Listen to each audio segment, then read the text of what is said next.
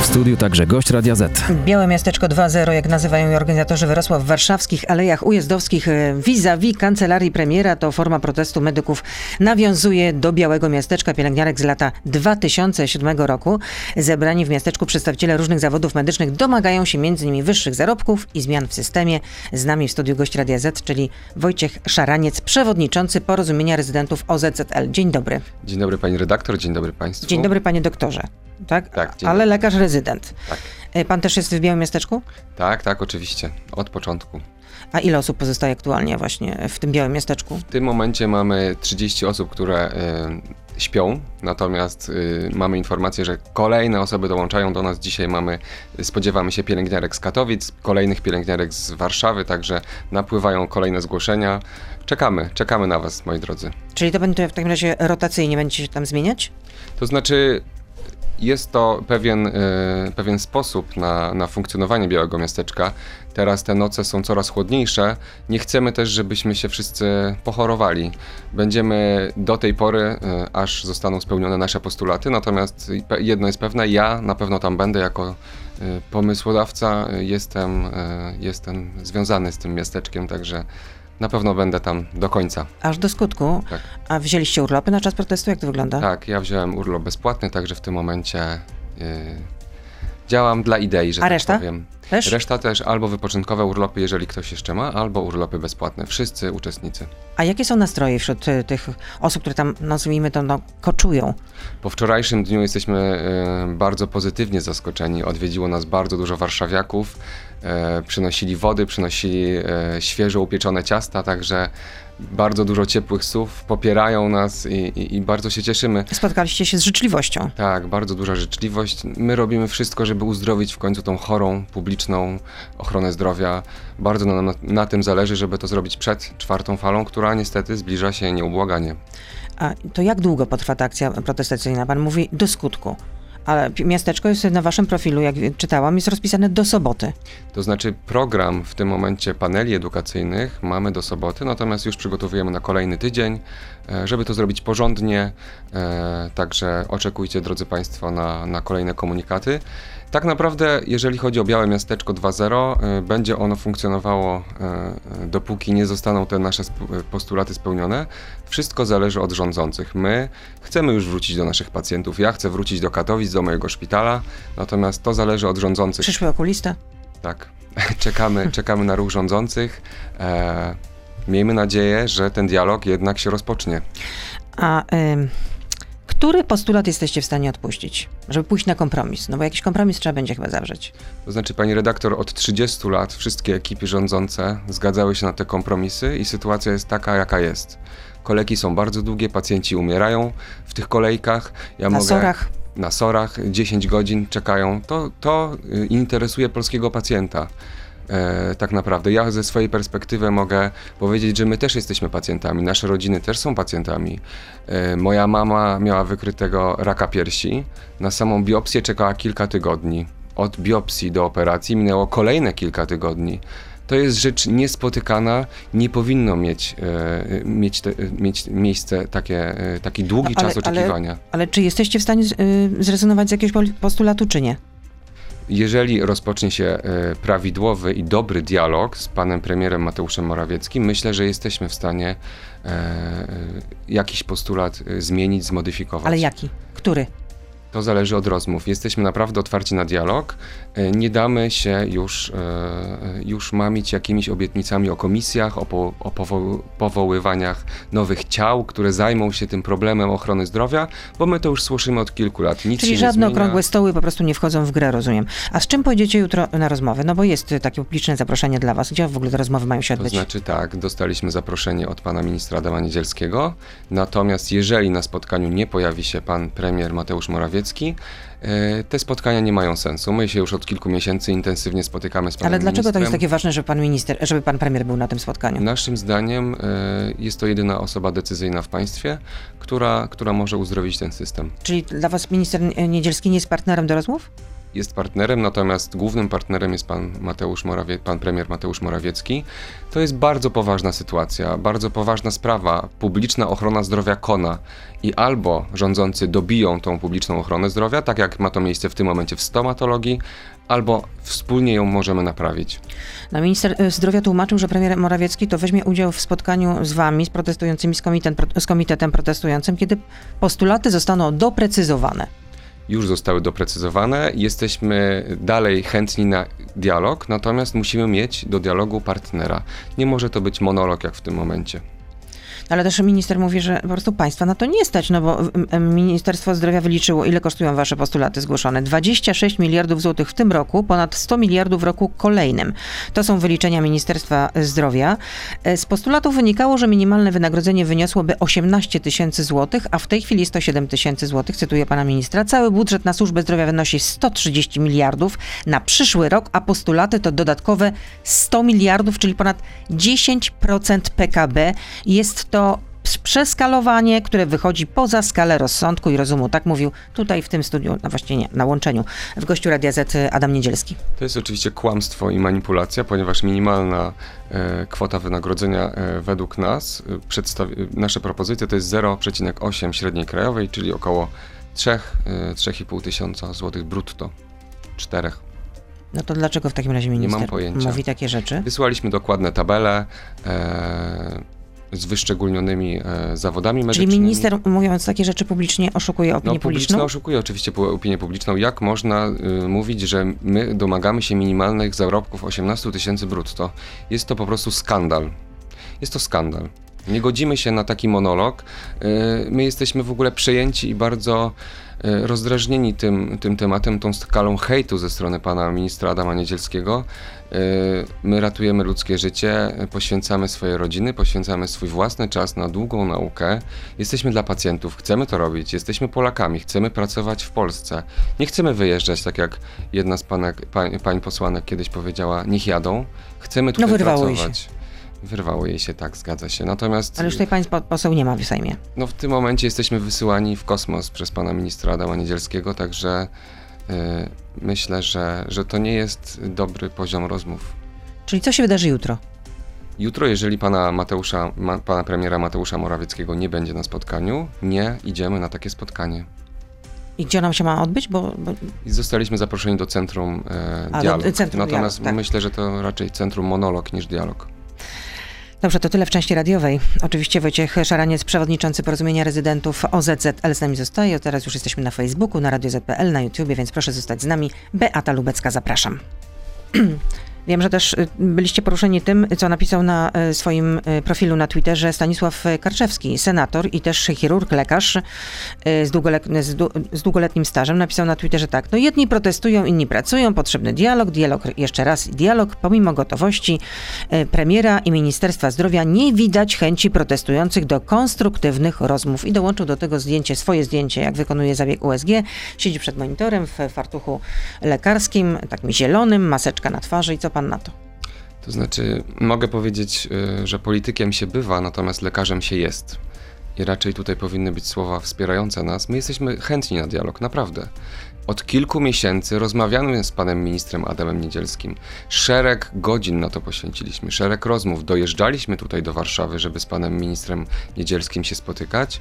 Nic z tego nie wyszło. Czyli rozumiem, że teraz przelała się czara goryczy. Tak, prze, przelała się czara goryczy. Wszystkie zawody medyczne i niemedyczne zjednoczyły się.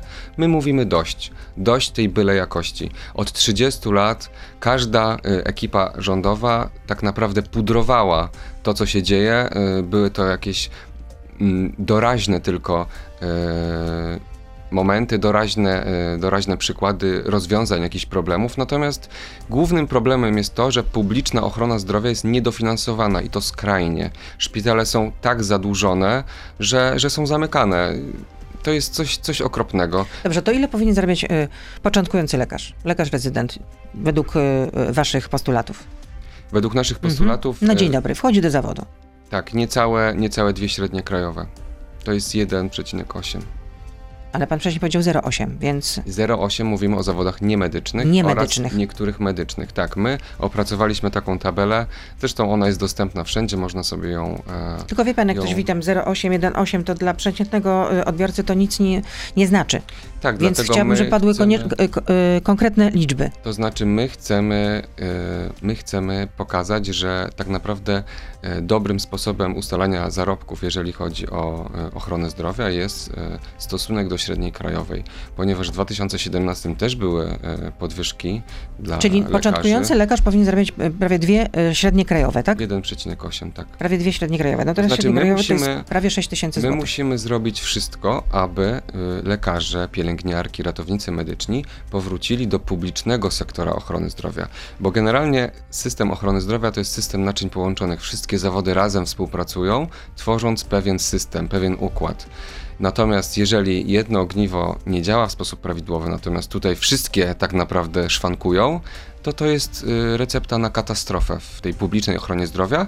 Cierpi na tym pacjent, który y, nie może sobie pozwolić na wykupienie dodatkowego ubezpieczenia w ramach y, prywatnej Czy też na prywatną wizytę, która kosztuje Ja mogę też powiedzieć... 150 zł na Oczywiście, ja mogę powiedzieć też ze swojej perspektywy, jeszcze jak byłem na studiach e, 4 lata temu, miałem problemy zdrowotne, chciałem się umówić na USG jamy brzusznej, e, dostałem termin za 3 miesiące, natomiast był to stan naglący, mm, w mojej opinii. przykład. Ale jeśli mówimy o publicznej służbie tak, zdrowia, publicznej, tak? Publicznej, natomiast w prywatnej dostałem termin za miesiąc. No to też nie, Też- to też, też nie jest nie. jakiś... Natomiast tutaj e, oczywiście rozwiązaniem tego jest SOR, Szpitalny Oddział Ratunkowy. E, Tam każdy pacjent jest przyjmowany z e, e, większymi lub mniejszymi problemami zdrowotnymi. To nam niestety wydłuża te kolejki, ponieważ nasz No i były przy, przykłady niestety, że Oczywiście. umierali tam pacjenci, bo na przykład Niestety. nawet pacjent gdzieś zaginął i Oczywiście. szpital go szukał. Proszę, proszę Państwa, Pani redaktor, 60-70% pacjentów, którzy są w szpitalnych oddziałach ratunkowych, nie powinni się tam znaleźć, bo nie są, nie są to stany naglące. Dlatego tutaj e, musimy uważać, tak skonstruować ten, ten system publicznej ochrony. No czyli jak? Czyli jak to powinno wyglądać? W tym momencie mamy kryzys kadr. I to trzeba powiedzieć jasno. Ale tych kadr nie przybędzie z dnia na dzień. Nie przybędzie oczywiście, dlatego musimy zachęcić tych, e, te kadry medyczne, które już są w systemie na ten moment, żeby powróciły do publicznej ochrony zdrowia.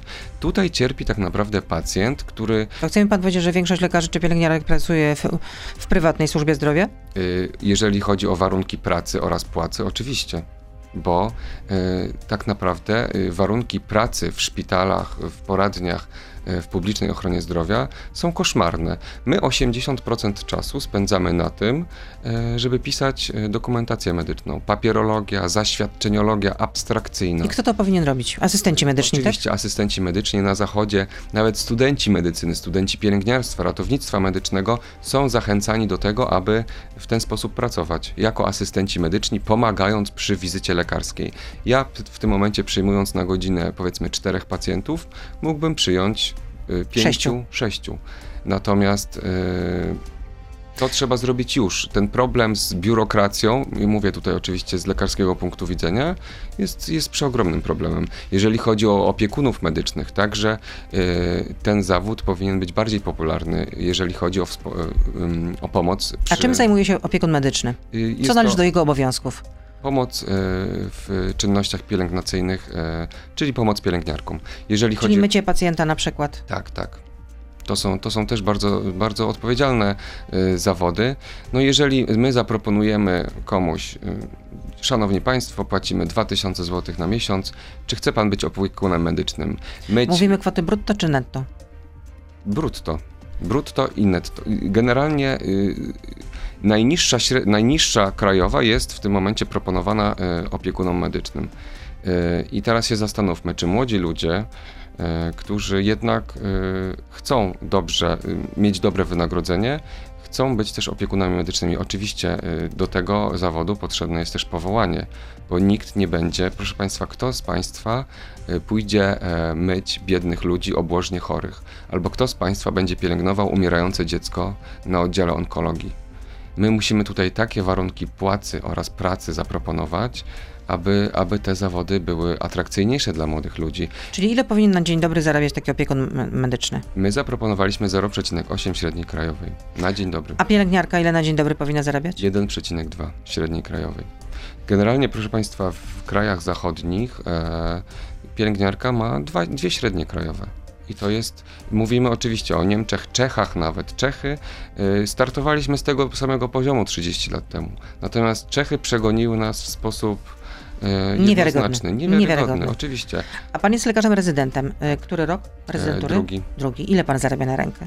E, w tym momencie 23 zł na godzinę mojej pracy. To jest 3600 zł. Brutto czy netto? Na rękę. Na rękę. Pan zarabia na rękę. Trzy- 3600. No, według, no to tak pan się mieści, no nawet powyżej, bo tutaj mam takie dane y, firmy Sedlak Sedlak, z tego wynika, że lekarz stażysta w pierwszym roku w swojej pracy zarabia przeciętnie 3070 zł brutto miesięcznie. Y, Na pan ja- jest drugi rok. Tak, ja mm, ja y, w swoim stażu, na swoim stażu podyplomowym miałem pensję 2100 na rękę z dyżurami, także mówimy... Czyli stażysta to co innego, rezydent to co innego. Tak, stażysta to jest lekarz, który koń, skończył studia sześcioletnie, bardzo ciężkie i trudne, e, rok stażu oraz kolejne 5 lat rezydentury.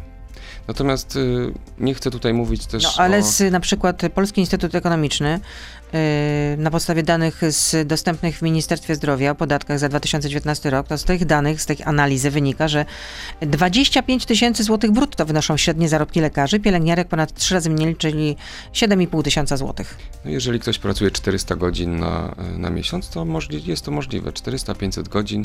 Mamy przykład ostatni anestezjologa 39-letniego, który umarł po prostu z wycieńczenia, z, z, z przepracowania na dyżurze. Czy my chcemy taką ochronę zdrowia?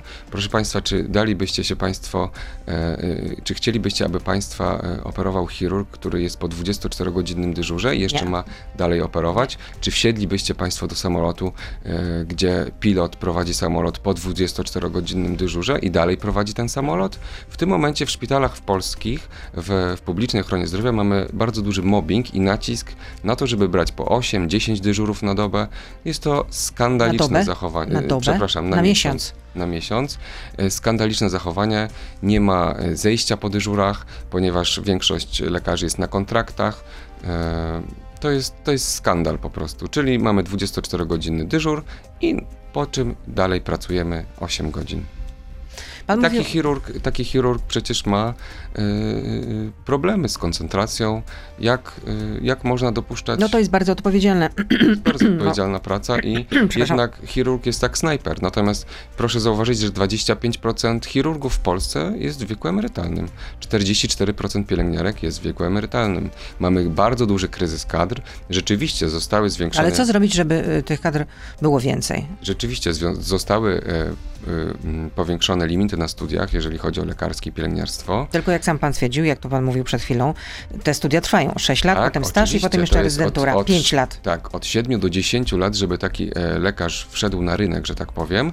Więc w tym momencie jedyne działanie, które możemy zrobić, to uatrakcyjnienie tych zawodów, aby e, zawody medyczne, które pracują w prywatnej ochronie zdrowia, wróciły do publicznej. Tutaj mamy taki kryzys, że cierpi na tym najbiedniejszy pacjent, który nie dostanie się do lekarza, który umrze w kolejce, który nie ma pieniędzy na to, aby leczyć się w prywatnym sektorze. Pan mówił, że y, dobrze byłoby, gdyby ten protest y, zakończył się przed czwartą falą. Mm, A kiedy nadejdzie czwarta fala, to ten system się załamie? Co się stanie? Y, Widzieliśmy już w trakcie, w czasie trzeciej fali, jak to wyglądało. Y, Proszę sobie przypomnieć, każdy reagował na COVID strachem, lękiem. My bez środków ochrony indywidualnej pracowaliśmy w oddziałach covidowych, mieliśmy styczność z COVIDem, y, narażaliśmy siebie, narażaliśmy swoje rodziny. W kombinezonach długie godziny spędzone bez nawet czynności fizjologicznych, to, to po prostu to jest po prostu bardzo ciężka praca odpowiedzialna. Dostaliśmy wtedy. Ale teraz jesteśmy zaszczepieni. Przynajmniej mm, Tak. prawie 19 Wtedy milionów ludzi. dostaliśmy oklaski, natomiast dzisiaj y, słyszymy, że mamy lecieć w kosmos od pana ministra Adama Niedzielskiego. Y, jest to, jest to No niepoważne. ale, czy, ale co się stanie, jeśli będzie ta czwarta fala? Jeśli na przykład poziom zachorowań byłby na poziomie tego, co działo się w trzeciej fali? To znaczy myślę, że i tak ta czwarta fala nadejdzie. Mamy 45% zaszczepionych Polaków, także jest to zdecydowanie za mało. E, żniwo, e, żniwo czwartej fali niestety, niestety też będzie, będzie bardzo duże, będzie bardzo duża umieralność. A system się załamie? Oczywiście system się znowu załamie. Ale co znaczy, że się załamie? Czyli załamie? cały system ochrony zdrowia będzie przestawiony na COVID. Jeżeli ktoś będzie miał zawał, udar, to są godziny, to są minuty, które musimy jak najszybciej zareagować. Natomiast jeżeli cały system znowu przestawi się tylko na COVID i tylko będziemy COVID le leczyć, to kolejni pacjenci będą umierać, będą, e, będzie mniejsze prawdopodobieństwo powrotu do, do zdrowia. W, jeżeli chodzi o udar, to jest tak naprawdę minuty, godziny, które musimy, które musimy Wykorzystać. wykorzystać, oczywiście. A dlaczego pan został lekarzem? Dlaczego pan chciał zostać lekarzem?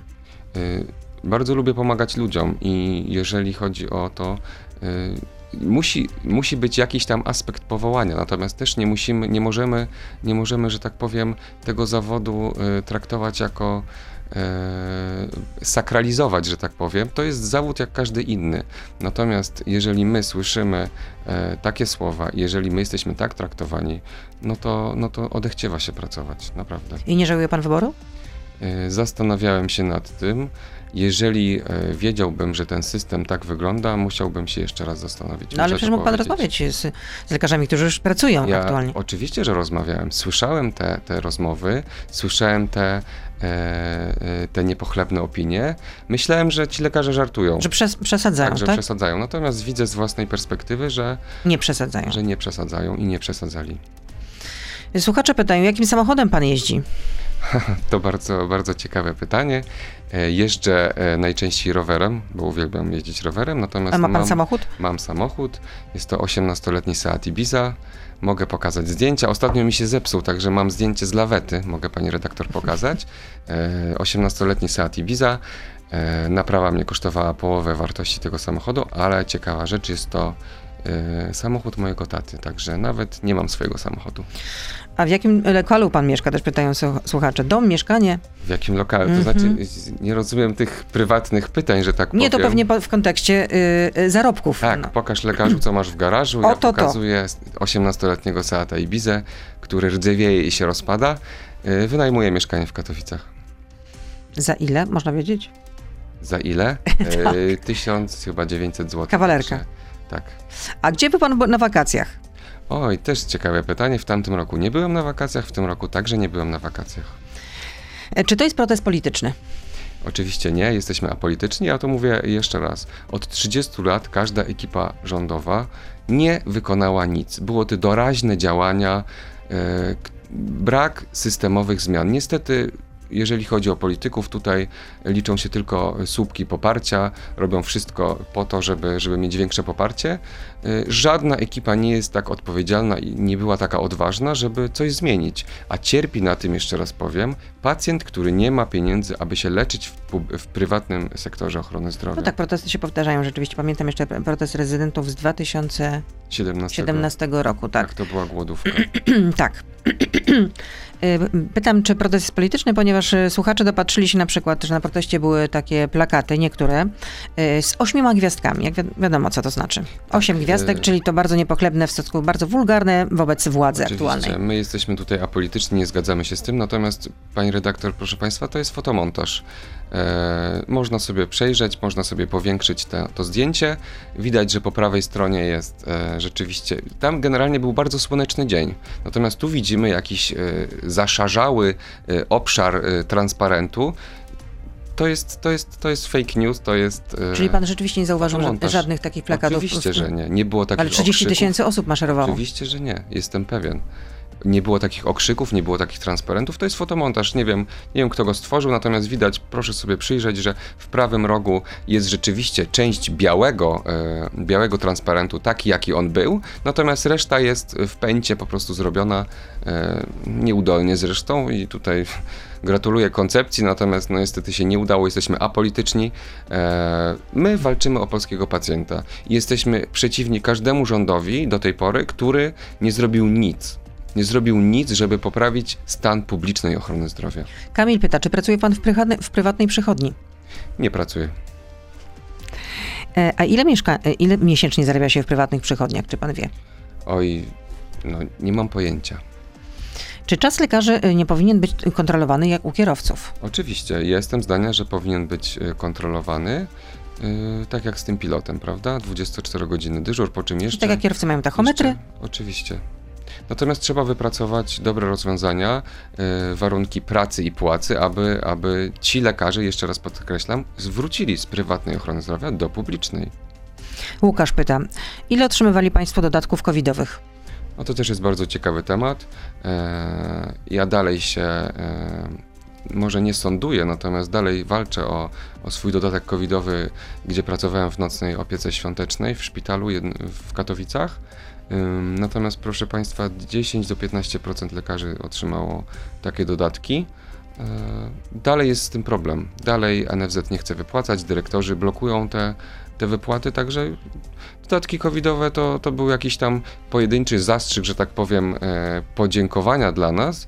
Natomiast widać, że ten, że ten pomysł się nie sprawdził, ponieważ dalej lekarze, pielęgniarki, ratownicy medyczni walczą o to i to jest... To Ale jest... powiedział pan, że 10-15% lekarzy, znaczy Tak. lekarzy, medyków zostało, e, zostały wyp- wyp- wypłacone im takie e, dodatki covidowe, ale w wysokości To znaczy 10 do 15% lekarzy starało się o te dodatki. Starało natomiast się. o wiele, wiele mniej zostało wypłacone na ten moment. Także lekarze dalej się dalej się y, upominają o te upominają dodatki, tak? dodatki, oczywiście. E, Zbigniew pyta, ile kosztowały pana studia medyczne? Ile kosztowały studia Mhm. medyczne? Y, Bardzo dużo. Y, Koszt książek jest to przeogromna suma, koszt wynajęcia mieszkania, y, koszt dojazdów, y, No gdyby miał tam pan, pan tak podliczyć rocznie. no i oczywiście czas spędzony na nauce. To no ale no to, to jest jasne, oczywiście. No to trzeba mieć solidną e, bazę, podstawę, e, ogromną wiedzę, żeby móc wykonywać ten zawód. Jest on ogromnie odpowiedzialny, rzecz jasna. No to, ale to są oczywiste oczywistości, o czym ja w tej chwili mówię. Ale jak tak pan sobie podsumowywał za rok na przykład? Nie mam pojęcia. y, Nie Pomagali liczył mi pan. oczywiście Nie rodzice. Bo, bo sam to. Oczywiście jeździłem też y, na wakacje do, do Wielkiej Brytanii, żeby tam sobie dorobić, żeby mieć jakąś tam gotówkę y, swoich pieniędzy. Y, Na poczcie pracowałem, pakowałem kartony. Zrywałem, zrywałem wiśnie, zrywałem jabłka, żeby jakkolwiek sobie dorobić. Natomiast większą część oczywiście sumy to rodzice. Bez rodziców nie udałoby mi się skończyć tych studiów. Magdalena pyta, kiedy w szpitalach i przychodniach będziemy traktowani jak ludzi, a nie jak rzeczy? I kiedy ludzie przestaną umierać czekając w kolejce do lekarza? No i to jest bardzo dobre, dobre pytanie. To jest, wracamy do punktu wyjścia. Publiczna y, y, ochrona zdrowia umiera, dlatego że jest za mało lekarzy, za dużo pacjentów na jednego lekarza, biurokracja jest rozrośnięta do niebotycznej skali i to wszystko wpływa na to, że tak się dzieje niestety, że Czy jak się przyjmuje pacjenta, to, y, to ile zajmuje y, ta dokumentacja medyczna, a ile zajmuje tak de facto y, rozmowa z pacjentem? No i nie, nie tylko rozmowa, ale oczywiście diagnoza, badanie.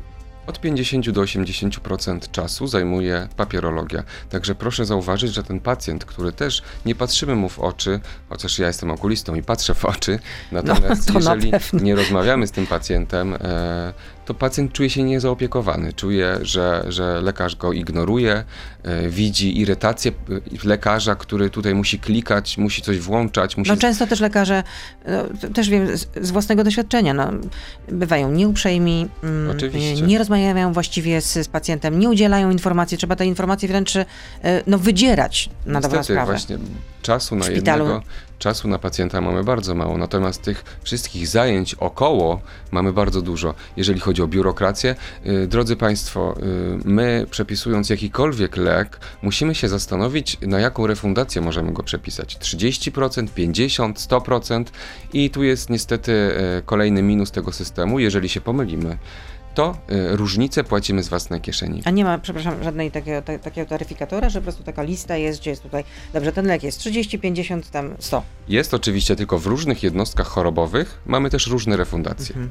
I my też się musimy zastanowić, czy jednostka chorobową, którą rzeczywiście tutaj postawiliśmy albo przypuszczamy, że pacjent ma, zostanie zaakceptowana przez NFZ, bo też kontrole bardzo często się zdarzają.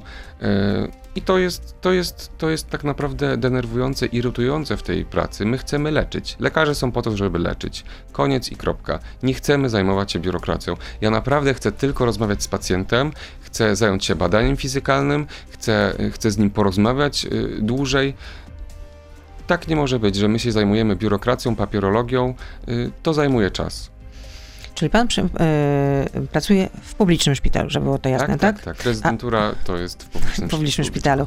Yy, A ile udzielał pan na przykład teleporad w trakcie yy, pandemii? E, Jeżeli chodzi o pracę okulisty, teleporady w ogóle się nie sprawdzają. No właśnie, bo jednak y, y, trzeba y, pacjenta zbadać. Tak, Zbadać przy okazji y, I to przy... jeszcze przy lampie szczelinowej, w mikroskopie, też Tak, inne mając odpowiedni, badania. y, odpowiedni oczywiście specjalistyczny sprzęt.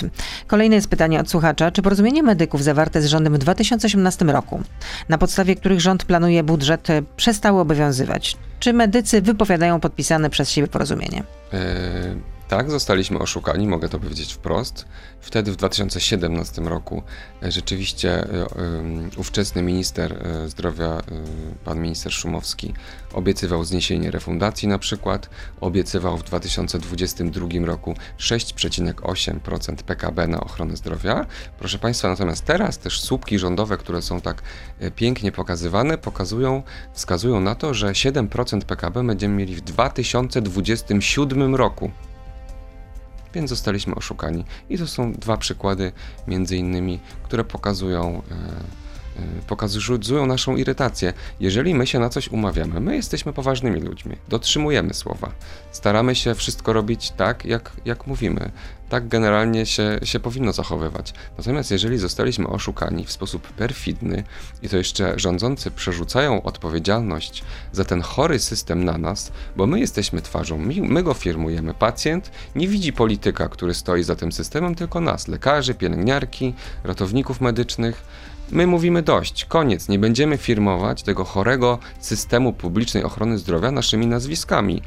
Ja, ja nie chcę tego firmować, także robimy wszystko, żeby coś się zmieniło, bo jeszcze raz podkreślę, cierpi na tym pacjent, No ale sądzi pan, że to białe miasteczko będzie robiło y, wrażenie na, na rządzących? No bo możecie tam po prostu koczować, no nie wiem, do końca roku nawet, ale nawet i dłużej. będziemy koczować. No przecież ja, reszta nie pracuje, muszę, rzecz jasna. Ja nie muszę zarabiać, dostajemy jedzenie od mieszkańców, jest bardzo przyjemnie. Y, Ja zrobię wszystko, żeby, żeby, żeby te postulaty były, były spełnione. Mi bardzo jest szkoda pacjentów, którzy jednak umierają w tych kolejkach, którzy umierają na sorach. Tak nie może być. I jeszcze jedno pytanie od, y, od słuchacza. Mm, Gdyby jutro został pan ministrem zdrowia, to jaką decyzję podjąłby pan jaką pierwszą? I proszę to uzasadnić. Wszystkie y, reformy, które, y, które, wszystkie pomysły, które przekazaliśmy panu ministrowi Adamowi Niedzielskiemu, zostałyby wdrożone. Tak po prostu od ręki? Po prostu. No, Proszę Pan państwa- minister mówi, że się nie da po prostu. No to jest właśnie jak lot na Marsa. Słyszymy, słyszymy, że jest bardzo duża nadwyżka budżetowa, słyszymy, że kraj jest mlekiem i miodem płynącym. Natomiast jak jest tak dobrze, to dlaczego jest tak źle? No fakt faktem, że ostatnio politycy sami sobie podwyższyli pieniądze. Znaczy Oczywiście. pensje. Oczywiście. Natomiast my ciężko pracujemy. e, Jesteśmy e, zespołem ludzi, którzy pomagają e, pacjentom. Zależy nam na tym, aby ten polski pacjent nie cierpiał. Nie mam zamiaru. Ja y, naprawdę nie mam zamiaru firmować swoim nazwiskiem tego chorego systemu. Jeżeli komuś wykrywamy y, y, zmianę w piersi, tak jak w przypadku mojej mamy, nie może być sytuacji takiej, że kilka tygodni czekamy na biopsję, po czym, po czym kilka tygodni czekamy na, Na operację. Tak naprawdę w onkologii... Kiedy czas się liczy. Oczywiście. Oczywiście. No to jest po prostu Liczy podstawa. czas. No, no i jest ostatnie pytanie. Nieprzyjemne. Jak sądzę, Piotr pyta, kiedy wreszcie zabierzecie się do pracy, do której jesteście przygotowani, a nie do polityki, o której nie macie pojęcia? Y, Wezmę się do pracy wtedy, gdy te postulaty zostaną spełnione z miłą chęcią. Jeżeli zostaną dzisiaj spełnione, jutro wracam do Katowic, dzisiaj się pakuję i jadę przyjmować pacjentów. Z miłą chęcią już się nie mogę doczekać. A jak, y, zapytam tylko tak od takiej strony już do czysto y, takiej praktycznej, ludzkiej, jak z higieną w takich warunkach? No bo przecież tam, tam są jakieś tojtoje, coś, no jak to Tak, tak? mamy to i to je, natomiast mamy zaprzyjaźnionych e, znajomych z Warszawy, także e, Naczelna Izba Lekarska nam pomaga, Śląska Izba Lekarska nam pomaga. e, Czyli można się umyć raz na Oczywiście jakiś czas. wczoraj otrzymaliśmy bardzo dużo e, propozycji od warszawiaków, którzy mówią zapraszamy. Proszę się, możemy- proszę bardzo. W razie Oczywiście. czego proszę do mnie przyjechać i tak, się na umyć. prysznic, tak. Jesteśmy jakby tutaj pozytywnie zaskoczeni i jeszcze raz podkreślę, wszyscy, my wszyscy jesteśmy po jednej stronie. Lekarze, pielęgniarki, y, ratownicy medyczni, fizjoterapeuci, technicy y, radioterapii. y, Wszyscy jesteśmy po jednej stronie z pacjentami, natomiast naprzeciwko nas są politycy, którzy kłamią, manipulują i, i mówią, że jesteśmy za to odpowiedzialni. Proszę zauważyć, że e, pan premier Mateusz Morawiecki nie spotkał się z nami, jak prosiliśmy w ostatnią sobotę, natomiast miał czas, żeby zrobić piękne konferencje prasowe, na których przekonywał, że jest bardzo dobrze, że, że jest świetnie. No to taką mamy debatę właśnie na temat publicznej ochrony zdrowia w Polsce. No to dużo zdrowia życzę w takim razie Dziękuję. i cierpliwości i wytrwałości. Wojciech Szaraniec, przewodniczący Porozumienia Rezydentów OZZL-u był z nami. Dobrego dnia życzę. Nie wiem, czy to tak Dziękuję. można zakończyć ten wywiad. Wracam do Białego Miasteczka 2.0. Kłaniam się. Dziękuję. To był gość Radia Z. Słuchaj codziennie w Radio Z i na player radioz.pl.